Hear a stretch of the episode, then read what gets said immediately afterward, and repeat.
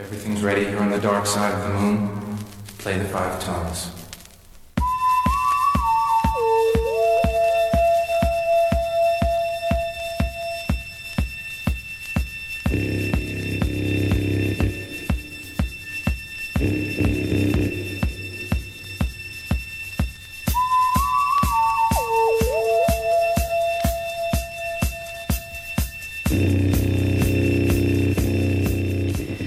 Bueno, pues con esta sintonía tan conocida entramos en el tarde de ciencia y pensamiento crítico de la mano de Marta Macho, a quien ya tenemos al otro lado del teléfono. Caixo, Marta Guardión.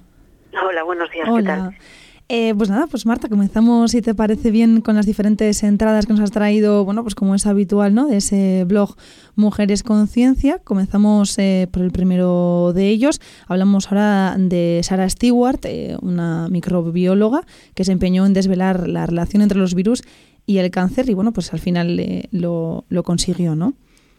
Sí, lo consiguió, pero uh -huh. le, le, costó mucho que uh -huh. convencer a, al entorno médico. Eh, bueno, eh, la ubico un poco antes. Ella nació en el año 1906 en México, en Jalisco. Era hija de padre americano, tenía allí unas minas de oro y madre mexicana. Cuando ella tenía cinco años, eh, se inició la Revolución Mexicana y la familia se fue a Estados Unidos donde el padre tenía algunas tierras y bueno, era una mujer muy inquieta, como vais a ver, porque estudió un montón de cosas, pero eh, se cansaba enseguida de lo que estaba haciendo, ¿no? Sí. En aquel momento mmm, las mujeres no podían estudiar cualquier carrera y decidió que la opción de económicas era la que mejor le venía en ese momento, ¿no? Eh, se graduó en el año 1927 y empezó a dar clase de economía doméstica. Como no le gustaba mucho, se fue a, a, seguir estudiando a la Universidad de Massachusetts, donde eh, bueno, aceptó una beca para eh, estudiar precisamente microbiología y obtuvo su máster en 1930. Eh, obtuvo un puesto en ese mismo año como bacterióloga en la estación experimental de Colorado, donde se trabajaba con bacterias que son capaces de fijar nitrógeno al suelo. De esto hemos hablado en alguna ocasión en, este espacio, eh, que permite mejorar las cosechas sin usar tantos pesticidas. Pero tampoco le gustaba demasiado y decidió volver a la universidad para hacer una tesis y doctorarse. Y bueno, se fue a la Escuela de Medicina de la Universidad de Colorado eh, y cuando eh, ya llevaba dos años eh, sin, en un puesto sin remuneración en el Instituto Nacional de Salud, pues eh, empezó a trabajar en bacterias que causan infecciones como la gangrena, ¿no? Se llaman bacterias anaeróbicas. Y bueno, continuó durante un cierto tiempo con este tipo de trabajo hasta que comenzó la Segunda Guerra Mundial.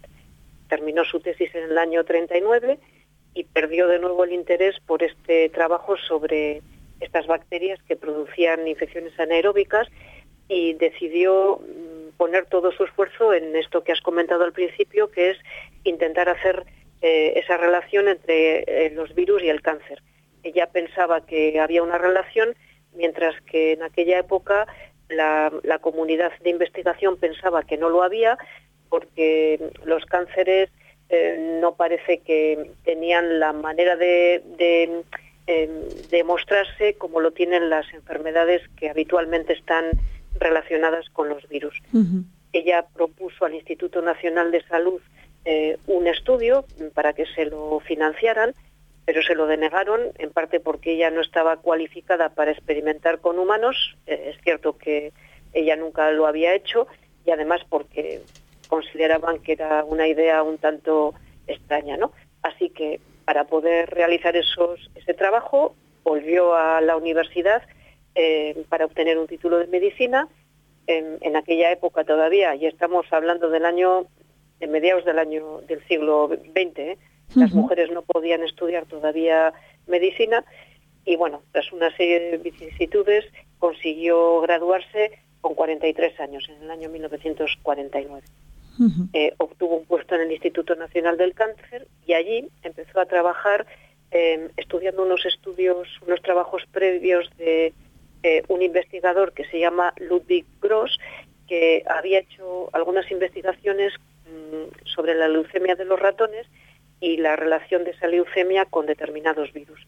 Así que ella empezó a investigar esos trabajos, em, y además empezó a experimentar, ella también con ratones, junto con otra investigadora que se llama Berenice Eddy, replicó los experimentos de este investigador de Gross del que os acabo de hablar y vieron que efectivamente cuando inyectaban a un ratón em, con sangre de un ratón que había tenido leucemia, el ratón, el nuevo ratón, digamos, em, tenía, además de leucemia, otros tipos de cáncer.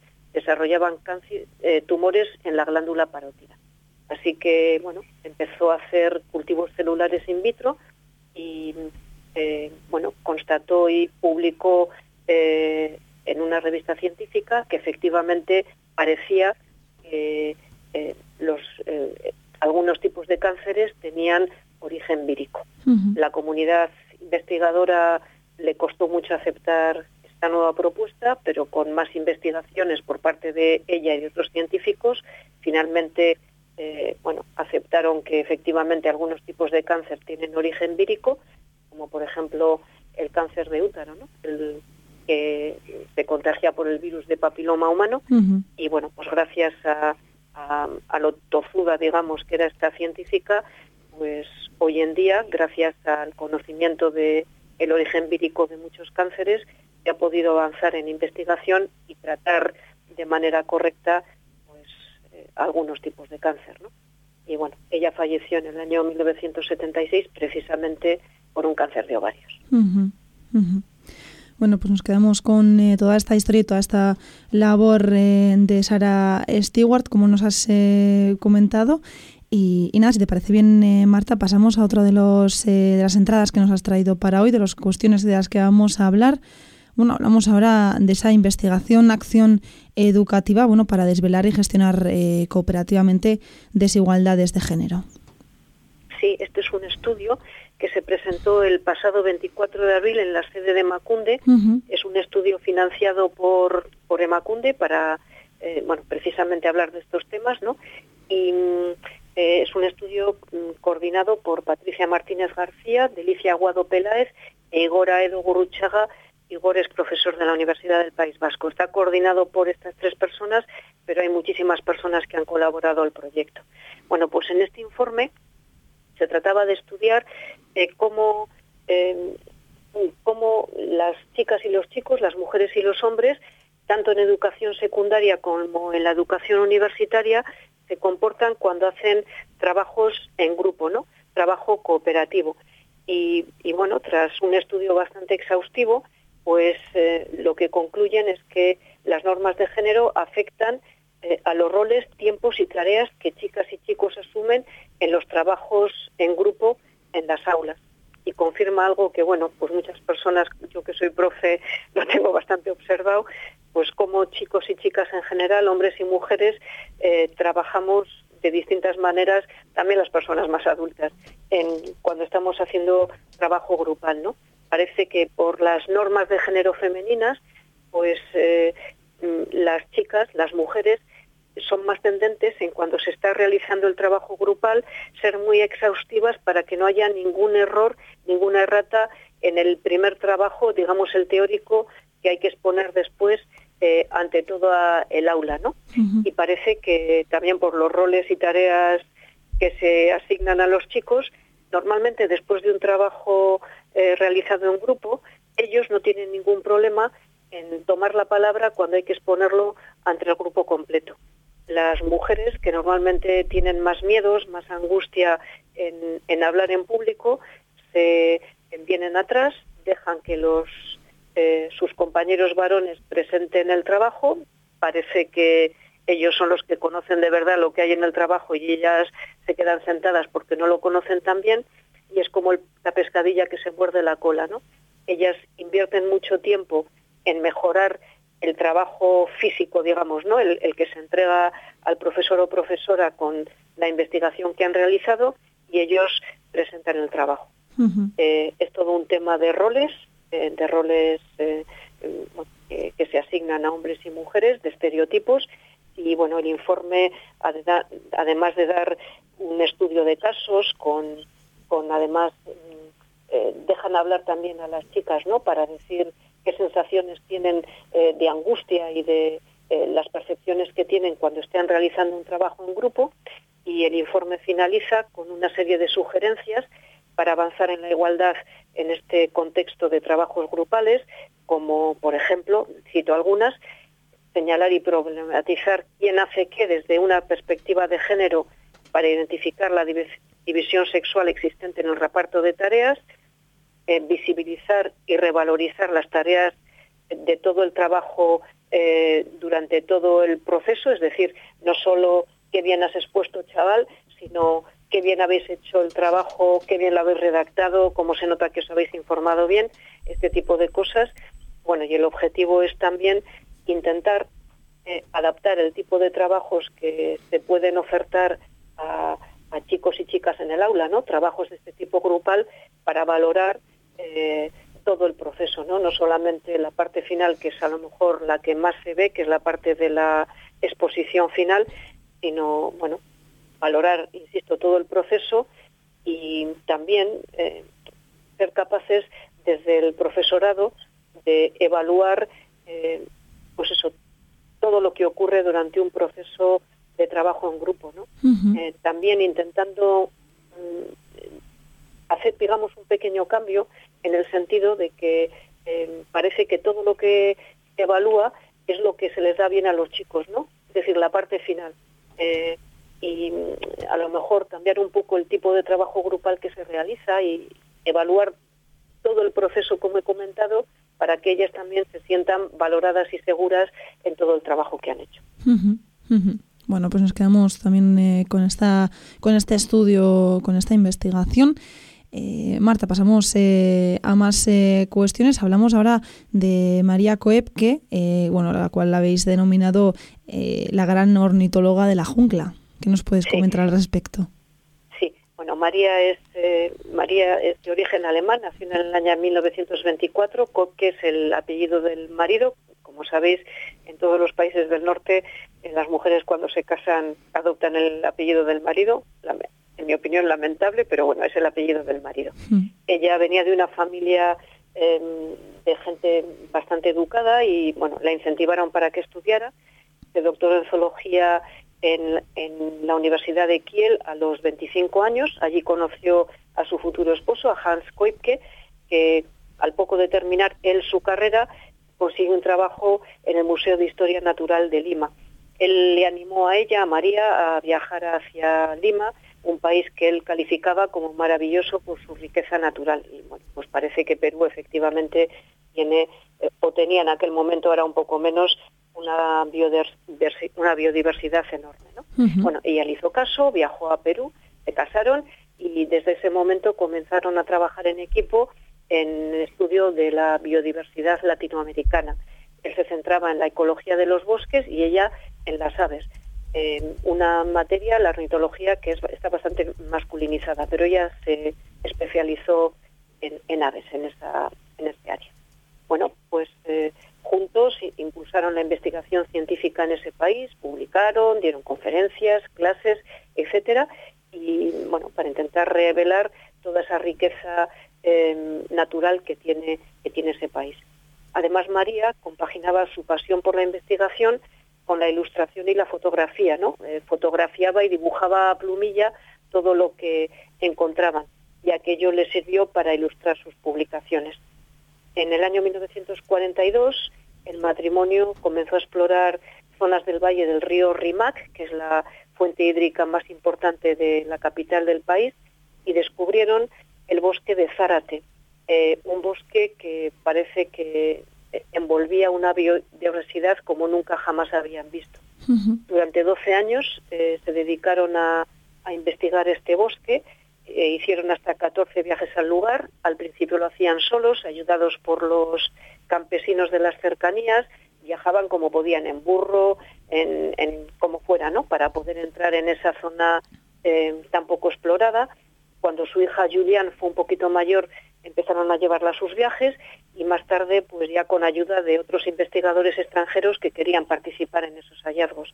Y bueno, eh, en el año 64 pidieron que ese bosque fuera eh, una zona de especial eh, cuidado natural, pero hasta el 2010 no, no fue declarado una zona para proteger, ¿no? Bueno, pues ella daba clases en Lima, él estaba centrado en, en, investigar en la zona del Amazonas, después de 12 años fueron a la zona más recóndita del Amazonas para seguir investigando y precisamente allí inauguraron una reserva natural que se llama Panguana, que hoy en día está dirigida por su hija Julian, y en, uno de, en un viaje, un 24 de diciembre, en el que María y Julian, eh, la madre y la hija, iban a, Panguana precisamente para pasar las Navidades con, con el marido, con Hans, eh, hubo un accidente de aviación en donde las 91 personas que eh, iban a bordo fallecieron, entre ellas María, y solo sobrevivió Julian, la hija de, María y de Hans. En ese momento tenía 17 años y sobrevivió durante 11 días en, el, en la selva. Tuvo suerte que cayó en un árbol su asiento, eh, bajo de allí, y sobrevivió 11 días en la selva, probablemente gracias a que sabía qué tenía que comer o no tenía que comer, porque había ido siempre con sus padres a esas eh, excursiones para para investigar este país tan hermoso como, como espero. Así que ella es ahora experta en murciélagos y pues eh, la historia de María y de Julián, dos mujeres dedicadas a estudiar la naturaleza. Bueno, pues nos quedamos también ¿no? con, con sus historias, como decías, de María y Julián. Marta, seguimos eh, con más eh, temas, con más cuestiones que nos has traído para hoy desde, dentro de esta colaboración. Hablamos ahora de la financiación escasa para la investigación sobre la salud de las mujeres. Sí, este es un artículo, es un poco denso, lo voy a condensar mucho porque además creo que ya voy un poquito corta de tiempo. No, está bien, eh, Pero es algo que, bueno, se sospecha desde hace mucho tiempo, pero este es un estudio hecho, bueno, mm, con, con datos fidedignos que es la manera de convencer cuando eh, hablas de sensaciones, ¿no? Hay que convencer con datos. Este es un estudio que viene de Estados Unidos, pero que es extrapolable a muchos otros países donde se están empezando a tomar dotes en este sentido. Bueno, pues se trata de eh, la financiación que los institutos nacionales de salud en Estados Unidos, eh, el dinero que gastan para la investigación biomédica. estos son datos del año 2022. Bueno, pues parece que eh, se invierte menos dinero en enfermedades que, que, tienen fundamentalmente las mujeres. Por ejemplo, la migraña, los dolores de cabeza, la endometriosis y los trastornos de ansiedad que sufren muchas mujeres atraen menos fondos en proporción a la carga, ahora explico lo que es la, la, carga que ejercen sobre la población, en este caso estadounidense. La carga se refiere a la pérdida de calidad de vida, la posibilidad de adquirir una discapacidad, la letalidad o el peso económico que la enfermedad produce tanto en el paciente como en la administración, ¿no? Bueno, pues esas enfermedades que he citado eh, tienen menos fondos en proporción a la carga que producen. Sin embargo, el VIH-Sida, por nombrar una enfermedad, eh, el abuso o el abuso de sustancias que tienen mayor incidencia en los hombres obtienen más fondos de lo que se podría eh, pensar por la carga correspondiente. además, bueno, en este estudio observan que las enfermedades predominantemente femeninas están subfinanciadas. Eh, por ejemplo, para el síndrome de fatiga crónica, la relación entre la carga y la financiación es del 0,04. Y, por ejemplo, para el VIH-Sida la proporción es del 15,6, para que se vea bueno, la brecha enorme que hay. ¿no? Em, bueno, estudian, por ejemplo, em, los cánceres y la financiación y en este mismo estudio descubren que entre los años 2007 y 2017 los cánceres ginecológicos han recibido una financiación mucho menor que los cánceres que afectan fundamentalmente a los hombres y, por ejemplo, en una selección de 19 tipos de cáncer, el de ovarios ocupa el quinto lugar en cuanto a letalidad, pero el decimosegundo en cuanto cociente entre financiación y letalidad y parece que encima está descendiendo la financiación. Eh, bueno, es algo muy conocido que las mujeres han estado poco estudiadas en los estudios, en los ensayos clínicos. Eh, en Estados Unidos se decidió en los años 1960 eliminar a las mujeres de los ensayos clínicos por si estaban embarazadas para evitar que hubiera problemas en los fetos. Pero esto ha hecho que muchas enfermedades eh, no tuvieran la suficiente calidad eh, para ser aplicada a las mujeres que tenemos una biología distinta a la que tienen los hombres, ¿no? Entonces, esto también eh, aparece en este estudio, la importancia de tener más mujeres en los ensayos clínicos y además se ha hecho un cálculo eh, monetario em, del, digamos, el dinero que se ahorraría, ya no solamente la ayuda a las mujeres, ¿no?, que están enfermas, sino el dinero que se ahorraría eh, al Estado, a Estados Unidos en este caso, y se aumentara la financiación de enfermedades que afectan a las mujeres y el dinero viene por los gastos en salud y por las bajas que las mujeres que trabajan puedan tener en sus respectivos trabajos. Y bueno, el porcentaje de retorno económico eh, es brutal. Es, bueno, es que es 174.000% de, de dinero que retornaría al Estado y se financiara mucho más las enfermedades, eh, sobre todo mm, que padecen las mujeres, ¿no? Así que esto yo creo que es un buen toque de atención para darse cuenta que las mujeres no somos ciudadanas de segunda y que además investigar en la salud de las mujeres es bueno para las mujeres y para toda la sociedad. Pues Marta, terminamos con eh, una última entrada, una última cuestión eh, que nos has traído para hoy hablamos de Irene sanger eh, la niña a la que le fascinaban los cohetes. Sí, eh, Irene también es una mujer alemana, nació en 1911. Ella empezó a estudiar física, aunque estaba enamorada de los cohetes desde pequeña porque parece que, que bueno, leía mucho sobre ello, ¿no? Pero no podía estudiar en aquel momento una ingeniería porque era una una, carrera destinada a los hombres, ¿no? Eh, bueno, pero cuando acabó su, eh, sus estudios de, física y realizó su tesis doctoral en el año 1937, entró a un centro de investigación aeronáutica de Trauen, donde conoció a su marido, el apellido de Sanger es de su marido, Eugene Sanger, eh, que era un ingeniero aeroespacial, aprobó su contratación y después se casaron bueno, a ella le tocó hacer cálculos, ¿no? Como a muchas mujeres en aquella época que entraban en estos centros em, de ingeniería a calcular, eran buenas calculadoras. Bueno, pues ella hizo cálculos termodinámicos de los cohetes con combustible líquido y tenía que hacerlos teniendo en cuenta de la presencia o ausencia de la fuerza de gravedad.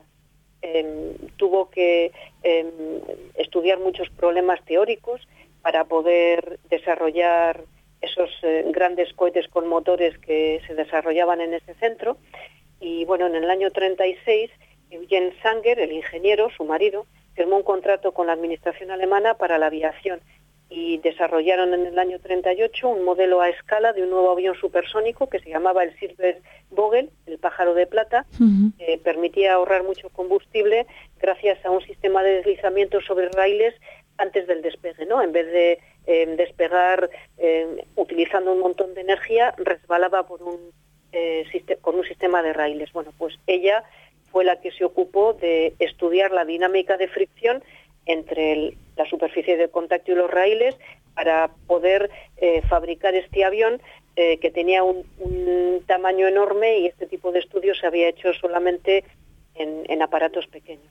Bueno, pues realizaron un montón de experimentos y efectivamente los estudios de Irene mostraron que este aparato se podía eh, fabricar. Esto fue ya en el año 39, tres años más tarde. En el año 39, con la guerra mundial eh, empezada, la Luftwaffe, la Fuerza Aérea Alemana, dio la orden de orientar todo el trabajo al esfuerzo de guerra y este pájaro de plata se convirtió en un proyecto secreto de alta prioridad eh, porque querían convertirlo en un bombardeo y les tocó al, matrimonio, a los Sanger, pues hacer todas las medidas también para que aquel avión eh, pudiera fabricar, pudiera, mejor dicho, transportar misiles e impactar, impactar en los objetivos que fueran.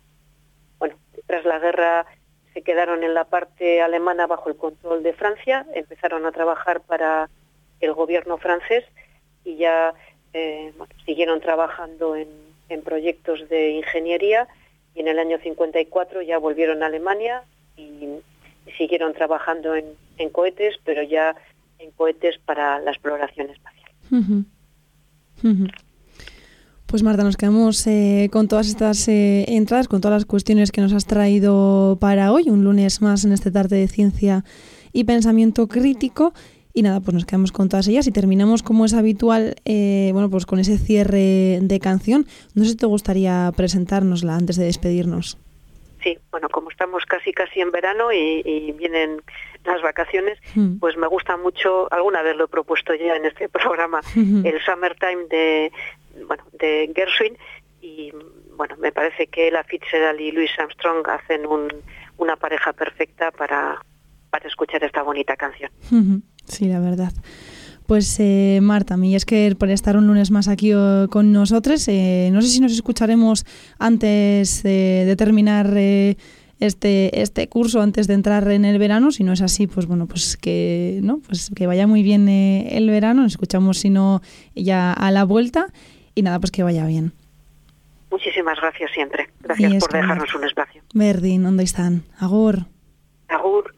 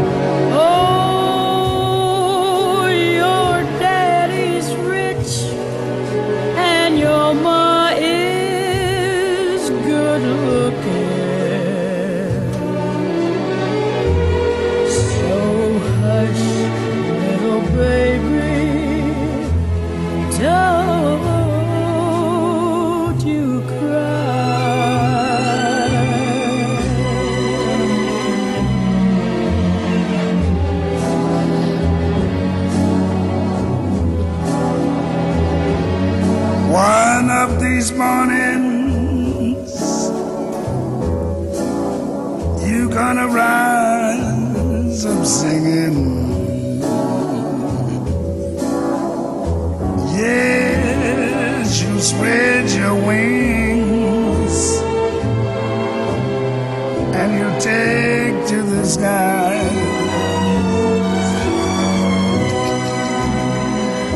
Mm, but till that morning,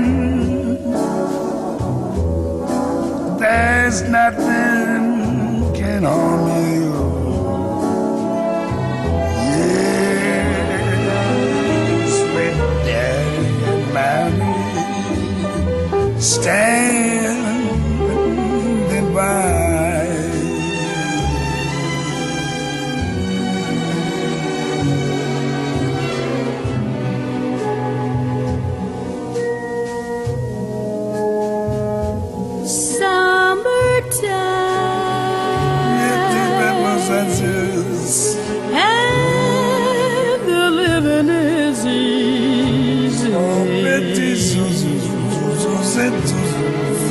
show.